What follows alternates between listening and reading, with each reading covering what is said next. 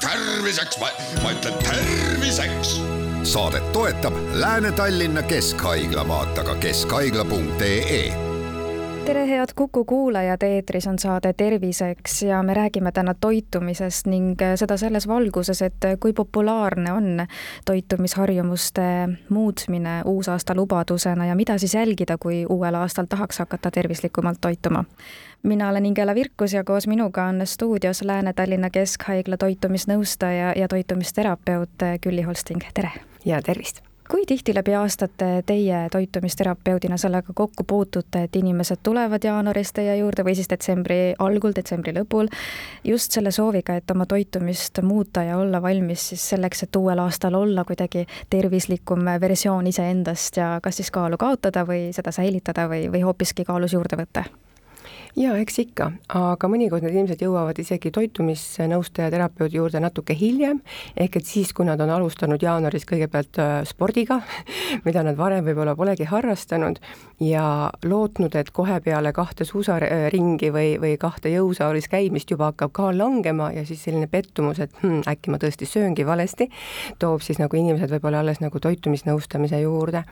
et sageli me tegelikult küll soovitame vastupidi, et kõigepealt saada korda nagu toitumine ja siis lisada nagu füüsilist aktiivsust, sest sageli selline füüsiline aktiivsus suurendab ka hoopis isu ja tulemused tõepoolest ei pruugigi nii, niisugused olla.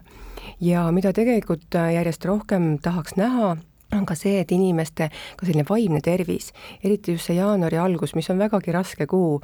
et äh, me siis tunneme sellist no kurvameelsust ja depressiooni tunduvalt rohkem kui võib-olla muudel aastaaegadel, et ka see on tegelikult väga oluliselt seotud just meie seedimise ja toitumisega ja ka näiteks kõhus elavate bakterite ehk mikrobiomiga. nii et tegelikult ka see moment on see, kus võiks alustada ka oma meeleolu parandamist mis on need peamised küsimused või peamised mured, äh, mis inimesi siis pärast pühasid äh, vaevavad, et millega nad teie juurde jõuavad? et peale tühja rahakoti muidugi on jah, palju probleeme kindlasti ka seedimisega, just see, et, et on söödud kaua aega või noh, jällegi külas olles võõrast toitu, mis, millega ei olda nagu tavaliselt enam harjutud.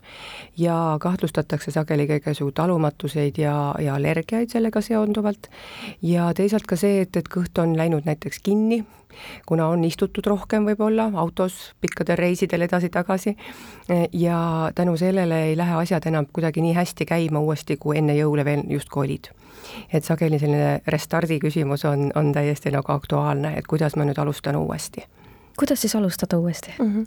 et tegelikult hästi rahulikult, see on kõige tähtsam, et ühesõnaga ilma stressi ja paanikata, siis asjad edenevad alati paremini ja teha hästi konkreetne selline plaan enda jaoks, et mida ma tahan, mis on minu eesmärk ja kui kiiresti ma tahan selle juurde nagu liikuda ehk et vaadata üle siis oma tänased harjumused, et kuhu me oleme siis libisenud. mis olid need asjad, mida ma juba tegelikult enne oli, tege-, väga hästi järgisin, aga nüüd on siis kuidagi käest läinud. ehk et need siis uuesti nagu üles otsida, võib-olla siis on aga välja jätta ja vaikselt jälle uuesti asendada tervislikumate variantidega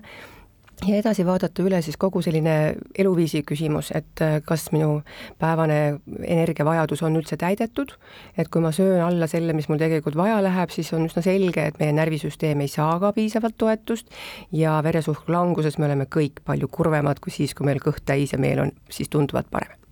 Te mainisite, et pigem jõutakse teie juurde siis, kui on juba mõned trennid tehtud ja loodetud juba tulemustele, aga neid ei nähta ja siis mõeldakse, et võib-olla ma peaks hoopis toitumise ümber mõtlema või, või toitumisele rohkem hakkama mõtlema, et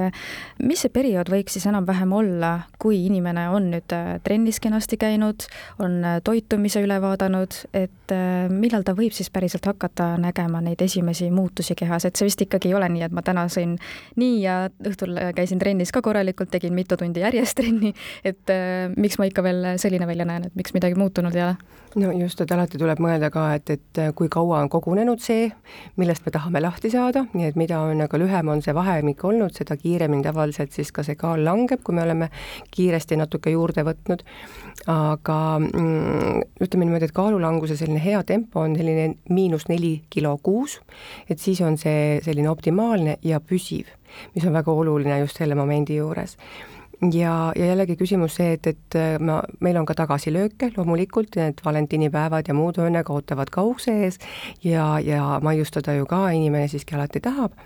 ehk et me peame andma endale ka selles mõttes sellise nagu plaani tegemisel ka sellise võimaluse, et tagasilangused on täiesti normaalsed ja mõnel hetkel võib ka olla nii, et kõik on hästi, aga kaal jääb ka lihtsalt seisma, et ka sel puhul saab teha siis oma, oma lahendusi, et, et jõuda ikkagi siis jätkuvale kaalulangusele. Miks nii võib juhtuda, et mingi hetk siis kaal jääb seisma lihtsalt mm.? lihtsalt keha harjub ära sellega, eh, saab hakkama sellise väiksema koguse energiaga ja see füüsiline koormus ka võib-olla on juba keha jaoks sobiv, ehk et ta ei tunneta enam piisavat pingutust. või on see aeroobne ja anaeroobne treening läinud natuke paigast ära, ehk et võib-olla peaks seal midagi üle vaatama, võib-olla ka teatud toiduained võivad ühesõnaga olla liiga domineerivad, mida saab siis üle vaadata ja seda mitmekesisust ka parandada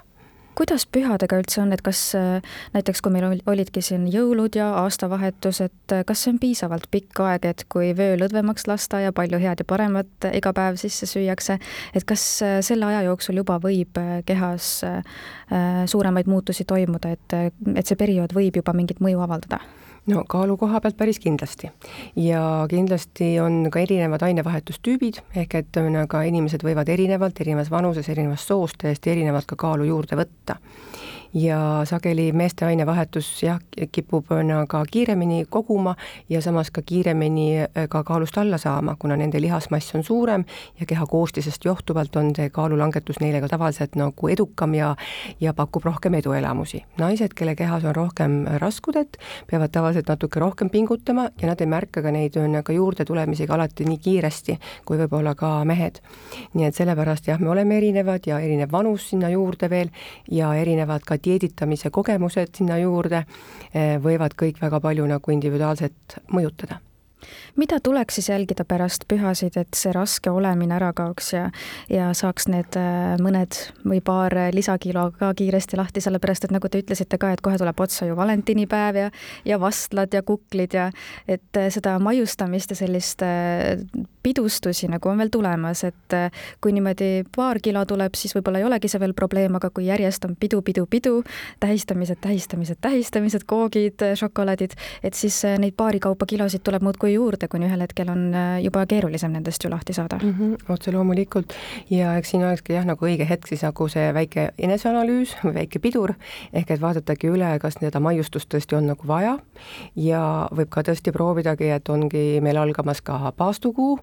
ehk et võttagi ette võib-olla hoopis näiteks suhkrupaast ja üllatus-üllatus, tegelikult kui me vähendame kas soola või suhkrut, siis me tegelikult harjume sellega järjest rohkem ära. nii et nii nagu ka öeldakse, et, et mida rohkem tervislikku toitu sööd, seda rohkem see sulle ka maitsema hakkab, sest sa harjud nende maitsetega ära. ja täiesti selliseid kogemusi ka minul endal on näiteks ühesõnaga, et kui ühesõnaga ikka midagi väga oluliselt muuta, siis alguses see ei tundu olema võib-olla kõige maitsvam, aga aja jooksul tekib nagu suurem isu ja suurem soov ja, ja maitsetundlikkus tõuseb oluliselt. me jätkame oma vestlust juba homme kell neliteist nelikümmend viis